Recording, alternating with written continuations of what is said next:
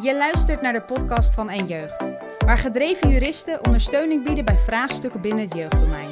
En dat samen met de jeugd. In deze podcast zullen zij juridische onderwerpen bespreken, om kennis toe te voegen voor iedereen die in het jeugddomein werkt. Om zo het recht en de praktijk dichter bij elkaar te brengen. Met deze podcast dragen zij bij aan hun missie, samen thuis in het recht. Goedemorgen en welkom bij de podcast van En Jeugd. Ik uh, zit hier samen met Mina Abu. Uh, jij bent jeugdbeschermer bij de Royal Zorg Limburg. Yep. En uh, fijn dat je mee wil werken in onze podcast. Mina, wil je ons iets over jouzelf vertellen? Ja, dankjewel Annemarie. Ja, zeker. En fijn dat jullie mij gevraagd hebben. ik werk daar graag aan mee. Mijn, mijn naam is Mina Abu. En uh, ik uh, werk al 25 jaar als jeugdbeschermer. En dat ik realiseer me dat, uh, dat het de helft is van mijn leven. Ik ben bijna 50. Ja, mooi. En, en 25 jaar jeugdbeschermer is mijn allereerste echte, echte beroep. Ja, ooit meer weggegaan. Nee, blijven plakken. Ja. ja. Ja. En dat is best bijzonder, vind ik. Ja. Ik uh, ben als mens natuurlijk ook ontzettend uh, gegroeid en anders als die uh, huppelende meid van toen 23, 24 jaar. Ja, nee, ongetwijfeld. en heb je veel geleerd in de tussenliggende jaren? Um, ja, het is al heel lang. Je hebt denk ik een jubileum gevierd hier binnen de organisatie. Ja, zeker, zeker. En het, het bijzondere vind ik dan nog het meest. en ik had dat besef zelf niet zo, maar ik kreeg dat terug van een, uh, een jongere die ik uh, begeleid vanaf uh, zijn zwangerschap. Mm -hmm. ja, hij zat toen nog bij zijn moeder in de buik. Oh ja. Zo moet ik dat zeggen. Ja, ja. en toen werd hij geboren. Toen stond ik ook al aan het bed bij zijn moeder. En hij werd toen, ja, schijnend, maar toen moest dat zo op dag één al naar een pleeggezin. En die jongen ben ik 18 jaar gewoon blijven volgen. En uh, um, ik had zelf het idee van, nou ja, dat, dat doe ik um, vanuit mijn werk en niet zo bijzonder eigenlijk.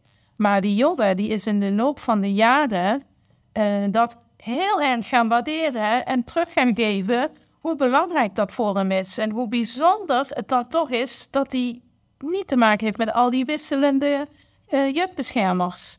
Ja, nou dat, dat kan ik me wel voorstellen, want daar, daar hoor je natuurlijk veel over. Dat uh, jeugdbeschermers uh, ja, snel aan, ja, dat er een groot verloop is. Mm -hmm. Dan is 18 jaar lang meelopen met een, met een pupil wel, wel uit, uitzondering, uitzonderlijk ook. Ja, ja en, en, daar, en ik had in het begin zoiets van, nou ja, dat, dat, hij heeft dat geluk. ja, doe mijn werk uh, met denk ik wel heel veel passie. Um, maar hoe ouder hij werd en, en, en ik zag hem ook gewoon uh, ja, van, van baby tot peuter en ga al die fases maar uh, door tot nu 18. Hij is dus net 18 geworden. dat ik um, dacht van ja, we gaan afscheid nemen van elkaar. Want vanuit rechtswegen ja, is hij meerderjarig en dan houdt de jeugdbescherming ja, op. Ja. Maar dat vond hij toch ingewikkelder. En, en toen heb ik voor het eerst um, in mijn hele carrière met de gemeente geregeld op zijn verzoek dat ik een half jaar nog uh, mag blijven in, in het vrijwillig kader om hem ja, toch een beetje die, die warme overdracht naar de, volwassen, naar de volwassenheid uh, te bieden. Ja. En uh, toen dacht ik, oh ja, dit is toch wel heel bijzonder. Zeker ook omdat het vanuit hem komt, dat hij dat zo gewaardeerd heeft. Ja, en ook mooi dat de gemeente dat onderkent. Hart daarmee wil werken. Ja, ja, gelukkig. Ja, nou ja, en het sluit ook wel heel erg aan bij de, bij de 18-plus oproep van uh, Stichting Het Vergeten Kind natuurlijk... om niet zo'n harde grens op 18 te hebben. Ja. Dus uh, mooi dat dat kan, goed voorbeeld. Hey Mina, uh, we hebben net samen geluisterd naar de koffer van Rochentely. Mm -hmm. opgenomen door Moraya. En um, nou, vertel mij eens, wat viel jou daarin op? Ja, een heel, een heel mooi gesprek. En, en, en, en ik dacht, continu bij het horen van het verhaal eh, van Rogentely van wat een, een, een veerkrachtige en een krachtige meid. En wat een wijsheid heeft, uh, heeft zij, 17 jaar. Ja, bijzonder hè, dat vond ik ook. Ja, en wat me daarin heel erg raakte, uh, was dat zij wel eens ervaringen heeft dat ze praat met hulpverleners of met jeugdzorgwerkers, ehm, die dan ehm, het, ja, bezig zijn met de tijd of, of met het proces. En zij vooral de behoefte heeft van luisteren gewoon, hoor mijn verhaal. Ja, en, toen ging ik nadenken en toen dacht ik, oh, wat herken ik. Dit herken ik als, als professional, hè, van de andere kant. En um, uh, dat die valkuil er is, maar zodra ik het herken, dan gelukkig zeg ik altijd, kun je heel veel herstellen in communicatie en in gedrag. Dus als ik het bij mezelf herken, dan, uh, geef, dan, geef, dan herstel ik het gelijk door te zeggen: Sorry, ik moet jou dan niet meer lastig vallen. Dat is mijn pakje aan, ik ben hier voor jou.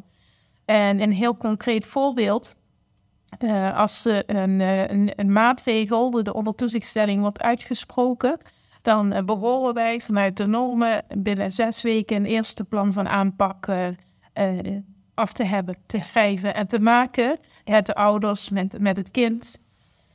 Um, en in die eerste zes weken, en, um, ja, dat is super kort, dat is hartstikke weinig. Eigenlijk ben je dan, ken je elkaar nog helemaal niet goed. Nee. Um, maar ik heb dan uh, die opdracht om dat eerste plan van aanpak te schrijven met het liefst een zo breed mogelijk beeld van wat is er eigenlijk aan de hand en waar werken we naartoe binnen de ondertoezichtstelling. En als, dan, uh, als ik zie dat uh, de meeste ouders en kinderen hebben juist dan vooral behoefte om te vertellen. Luister naar ons verhaal. Ehm, ga niet gelijk met een plan komen of met oplossingen komen of met weet ik veel wat voor dingen. Ja. En dat staat soms wel haaks tegenover ons eerste plan van aanpak. En, ehm, ik... Dat is eigenlijk wat zij ook zegt. Hè? Uh, je hebt een agenda, je moet iets met mij bespreken. Dat staat voorop. Ja. Terwijl ik ook behoefte heb. Of eigenlijk wil ik pas wat vertellen als ik je vertrouw. Als ik je ja. zie als mens. Ja. En als je. Als ik ook met je heb. Ja, als ik ook het gevoel heb dat jij als hulpverlener mij ziet als yes. uh, persoon. En als ik jou goed beluister, dan zeg je die zes weken waarin je dat plan van aanpak met de doelen en met dat beeld van dat gezin. Uh, als je dat binnen die zes weken moet opstellen, ja, dan heb je dat vertrouwen nog niet kunnen opbouwen. Nee, en soms denk ik, is het echt gewoon een wassen neus. En, en eh, ik begon bewust met, ik doe dit werk al heel lang. Eh, ik heb in de loop van de jaren een heleboel geleerd, wat mij nu uh, um, meer helpt om dit werk te kunnen doen als voorheen. dus bijna alle beginnende jeugdzorgwerkers zeg ik van, hey, dit zijn mijn ervaringen in de loop van de jaren, zo doe ik het nu. Ik wil het je meegeven, kijk even hoe het voor jou is. Ja, mooi dat je dat kunt benoemen. En want dat um, zei Rochentie ook, hè, van het is zo belangrijk dat, dat er tijd en aandacht en ruimte is. Als je nou de onderzoeken van de laatste decennia bekijkt, dan is komt altijd terug dat jongeren zich niet genoeg gehoord voelen door mhm. hulpverleners. En dan breed, en niet alleen jeugdbeschermers, maar heel, wat ik denk heel veel hulpverleners. Heb je een idee hoe dat komt? En, en hopelijk ook een idee hoe we dat anders kunnen maken. Mhm. Maar ik ben, ben, ben nieuwsgierig, Mila. Heb je enig idee hoe dat kan? Dat we daar dus als sector niet, niet goed in kunnen leren? Nee. Ja, ik herken het zeker hoor. Dat uh, de, de stem van uh, de minderjarigen, dat die uh, soms wat ja, vergeten wordt of ook niet heel groot wordt gemaakt. Terwijl dat natuurlijk wel ja, hartstikke goed is om dat wel te doen. En ja, kijk, ik, ik heb van. Ik praat echt het liefst ook met kinderen. Maakt niet uit hoe oud ze zijn. Vanaf dat ze eigenlijk al uh, een beetje kunnen brabbelen, eh, is het van eh, eh, dat, dat ik, ik, merk dat ik vooral mijn naam eh, Bijvoorbeeld die, die, en dan denk ik aan die peuter die eh, ik nu eh, begeleid, tweeënhalf. Die ken ik ook vanaf ze, eh, de geboorte. Dat ik dan nog net niet zeg van tante Vida is hier. Wie ben ik? Weet je nog mijn naam? Ja. En dan ook wel heel leuk als ze dan mijn naam kunnen herhalen. peuters, kleuters. Ehm, en dan, ja, eh, kleutergroepen. Dus dat ik wel heel vaak uitleg van, weet je waarom ik hier ben? Heel veel herhalen. Dus ik probeer echt wel heel veel met kinderen te praten. Zij, dat weten mijn collega's ook van mij. Ik eh, eh, lees ook wel eens eh, gewoon boekjes voor. Soms is het van, wat moet ik met het kind bespreken die nog super jong is. Ja. En snapt hij dat wel? En dan pak ik een boekje uit de kast met een bepaald thema. En overleg ik dan wel ook wel met de ouders. En dat is ook hartstikke eng, want wat ga je voorlezen? Ja. Eh, zo probeer ik wel eh, het kind daar continu bij te betrekken. Eh, nou, hoe jonger kinderen zijn, hoe meer je toch met die ouders aan de slag gaat. Eh, En het is kennelijk ook een valkuil hè, voor hulpverleners. Dat die ouders dan toch meer tijd en ruimte. En dat je. Ja, wat, wat ik me zou kunnen voorstellen, maar dat check ik graag bij jou, is ook dat je het gevoel hebt dat je de meeste verandering teweeg kunt brengen als je ouders tot inzicht kunt brengen. Of als je ze kunt leren hoe het ook anders tuurlijk, tuurlijk. kan doen. Ja. Ja, en ik zeg, weet je, en ik, ehm, ik heb me ook steeds meer gerealiseerd, het zijn niet mijn kinderen, het zijn de kinderen van die ouders. Dus je gaat eh, ook een appel doen bij die ouders. Ja. Ga aan de slag. Wil jij op een gegeven moment dat die onder toezichtstelling er vanaf gaat, dat jullie weer helemaal in je kracht en regie komen, dan ga dingen anders doen. Het is aan jullie om te laten zien dat het weer goed genoeg is voor jullie kind. Ja. Eh, en hoe kleiner kinderen zijn, hoe meer je dus met die ouders gaat praten. Ja. Eh, op een gegeven moment, vanaf een zeker een jaar of twaalf, dat, dat zegt de wet ook, hè, dan moet de stem van het kind ook echt in de verslaglegging terug. Terwijl ik denk, ja, onder de twaalf kan je ook echt wel zeggen, ik heb met Ja. die gepraat. En de wet biedt die ruimte ook. Hè? Dus Ja, maar, in, maar de gemiddelde professional die toch eh, die hete adem in de nek voelt van die deadlines van de rapportages en de verslaglegging, ja. bij de mening van het kind onder de 12 zet niet van toepassing. Ja. Eh, Dus vaak. heb ik ook jaren gedaan, omdat ik dacht, ja, oh, daar heb ik geen tijd voor. Om nog even te vragen, hoe vind jij dat onder de 12? Want ik ben dat niet verplicht. Ja. Terwijl, ja, nu denk ik, nee, als het goed is weet ik dat. Want die heb ik als het goed is meegenomen in het proces. Ja. En ook niet bij iedereen hoor, want soms vergeet ik dat ook. Ja. En dan maak ik het mezelf ook makkelijk vanaf, betrap ik mezelf erop om te zeggen, ja, niet van toepassing onder de 12. is misschien wel goed om ook te noemen hè, dat eh, die leeftijdsgrens van 12, ik vind het mooi ook dat je het zegt, ehm, ja, die eh, geldt niet voor rapportages vanuit de jeugdbeschermer. Die mag inderdaad al vanaf, eh, nou ja, wat jij zegt, peuter en kleuter, eh, een gesprekje voeren met het kind en ook dat opnemen. En dat, dat vraagt de wet ook eigenlijk. Die grens van 12 speelt vooral in contact met de kinderrechter. Bijvoorbeeld een verzoekschrift of zo. Ja, nou ja, daar moet uh, de kinderrechter moet vanaf 12 jaar een kind uitnodigen, maar mag dat ook wel, Ja. wel eerder doen. Dus die 12 jaar, dat merk je vaak bij ouders ook en bij hulpverleners ook, alsof daar een soort grens ligt. Maar uh, de wet vraagt eigenlijk, en ook de richtlijnen vraagt van jullie, dat je uh, juist ook al met een kind spreekt als het jonger is. En, en, En uh, ik, ik, lees het ook veel uh, in verzoekschriften dat, ja, dat, dat er dan staat: Ik heb niet met het kind gesproken omdat het Ja. jong is. ja, of ik wil het kind niet belasten met eh, Ja. de materie of Ja. aan de hand is. Ja. Eh, en, en, en terwijl ik denk, ja, eh, wij zijn eh, maar een fractie van een moment in het leven van het kind. Dat kind voelt en weet nog veel meer dan wat wij niet weten. ja. Dus eh, eh, misschien helpt het juist dan om eh, het beestje maar bij de naam te noemen, ook bij het kind. Door te zeggen, weet je waarom ik hier kom, bij je papa en mama en bij jou? Weet je dat? Nou, vaak zeggen zeker hele jonge kinderen, nee, weet ik niet. Of, of laatst zei een kindje van zes, die zei ja, want papa en mama maken ruzie, schreeuwen. Eh, ja, en dan kun je echt het gesprek, ja, klopt. Nou, daarom ben ik hier, want dat moet stoppen, zodat het voor jullie fijner wordt. En dan leg je dat uit. Ja, dat we daar de school nodig hebben, andere mensen, maar ook papa en mama. Ja. Dus het, ehm, het vraagt wel ehm, eh, een andere houding. Eh, en ik vind dat zelf heel leuk. Ik, uh, ja, steeds leuker worden. Ja, mooi. Ja. Om het kind echt mee te nemen. Um, misschien als ik nog even mag. Ik vind het ergens ook wel een dilemma. Of lastig wanneer ik dus die gesprekken heb met die kinderen.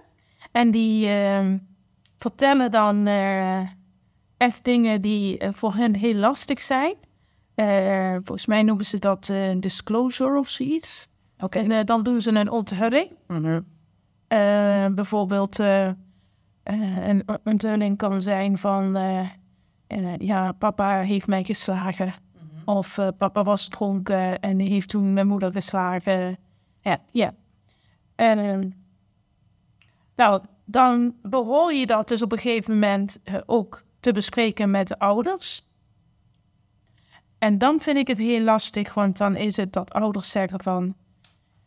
Uh, ja, dat, dat heeft ze niet zo bedoeld. Of dat heeft hij niet zo bedoeld. Of um, uh, dat klopt niet wat je hebt gehoord. Um, um, en dan kom ik op een ander moment terug in het contact weer met het kind. En dat ik dan wel merk aan het kind dat hij een beetje een muurtje heeft opgebouwd. Ja. Uh, of dat hij, uh, en, en, sommigen zijn zo dapper om te zeggen: Ik heb dat verteld en uh, papa en mama waren boos op mij. Ja. Of, of ze zijn hartstikke loyaal en die zeggen: Nee, wat ik toen heb gezegd klopt niet. Ja. Heb ik verzonnen. Dat vind ik wel echt hele ingewikkelde. Ja, dat, ik, ja, dat kan ik me voorstellen. Dat hij zo. Ja.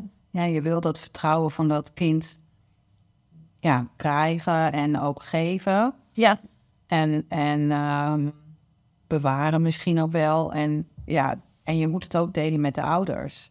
Ja. Dus dat, ja, dan zou ik me kunnen voorstellen dat dat een, uh, een groot dilemma is. Heb je, hij zou, want we moeten naar een alfabelling toe, maar zou je uh, aan jouw um, jongere uh, jeugdbeschermers of die jeugdbeschermers die minder lang aan het werk zijn, zou je, en wil je een advies meegeven, juist op dit dilemma ook? Hoe kun je dat kind um, het vertrouwen geven dat je voorzichtig omgaat met de informatie die die jou geeft? Hoe ga je met dit specifieke ja. in? Ja, want daar heb ik natuurlijk ook wel over nagedacht. En het is me een paar keer overkomen. En ja. dan, uh, ja, in dit vak is het heel belangrijk om te kunnen reflecteren op uh, wat deed ik, wat zei ik, hoe zat ik erbij. Ja. Um, dus toen dacht ik wel van, uh, dat heb ik ook wel eens geprobeerd, van oh, dan ga ik het volgende keer anders doen. Want nu merk ik, neem ik veel meer het kind mee in, uh, uh, ja, op een gegeven moment is het goed als papa en mama hier ook over geïnformeerd worden. Ehm, ja, vragen stellen. Hoe, hoe is dat dan voor jou? Waar ben je bang voor? Of wat als ze allerlei scenario's nagaan? Uh, en ik weet nu, dat ik het zelf heb ervaren, dat er een scenario is dat als papa en mama dit weten, dat ze dan zeggen: Dit klopt niet. Dit heeft uh, zij of hij uh, gelogen. Hoe is dat dan voor jou? Ja. Of wat vraag je dan van mij? Wat heb je daarin nodig? Dus ik neem het kind veel meer mee in, de, um, in het, ja, de mededeling: papa en mama moeten dit een keer weten. Uh, en uh, samen met jou bepaal ik wanneer we dat moment hebben dat ze dit moeten weten. Uh, wat kan jij daarin? Of wat wil je daarin dat je zelf vertelt of dat ik vertel? pakken we dat aan? Dus het vraagt daarin ook veel meer een plannetje bedenken en het kind meenemen in... Ja, hoe gaan we dat ehm, ja, vertellen aan, aan anderen die dit, die dit echt ja. moeten weten... om ervoor te zorgen dat het nooit meer gebeurt of dat het stopt. Ja, dat is ook wel een mooie manier van het kind serieus nemen. Om je eigen dilemma daar op een manier die aansluit bij het kind uh, te bespreken. Ja. Nou, mooi, uh, mooi advies, uh, Mina. Nou ja, ik, ik trap me er zelf ook op dat het niet altijd lukt. Maar door daar wel keer op keer kritisch naar te zijn en te kijken en het met anderen over te hebben, dat uiteindelijk gelukkig communicatie kan je, in communicatie kan je heel veel herstellen. En dat is ook mooi, hè? Want Ja. zijn docenten die ook... dat als ze het teruggaf aan de jeugd, jeugdbeschermers, aan de hulpverleners... dat die wel bereid waren om daarna te kijken. Dat het contact dan eh, ja, beter werd. Ja, Dus dat is wel een mooie, eh, mooie, Ja. mooie les ook. eh. nou, en ik wil jou eh, heel erg bedanken voor jouw tijd en eh, je deelname aan onze podcast. En ehm, nou, we gaan elkaar vast nog zien. ja, dankjewel. Graag gedaan. Bedankt voor het luisteren naar de podcast van En Jeugd. Heb je een vraag, wil je meer weten of heb je ideeën die je zou willen bespreken? Stuur dan een e-mail naar info.enjeugd.nl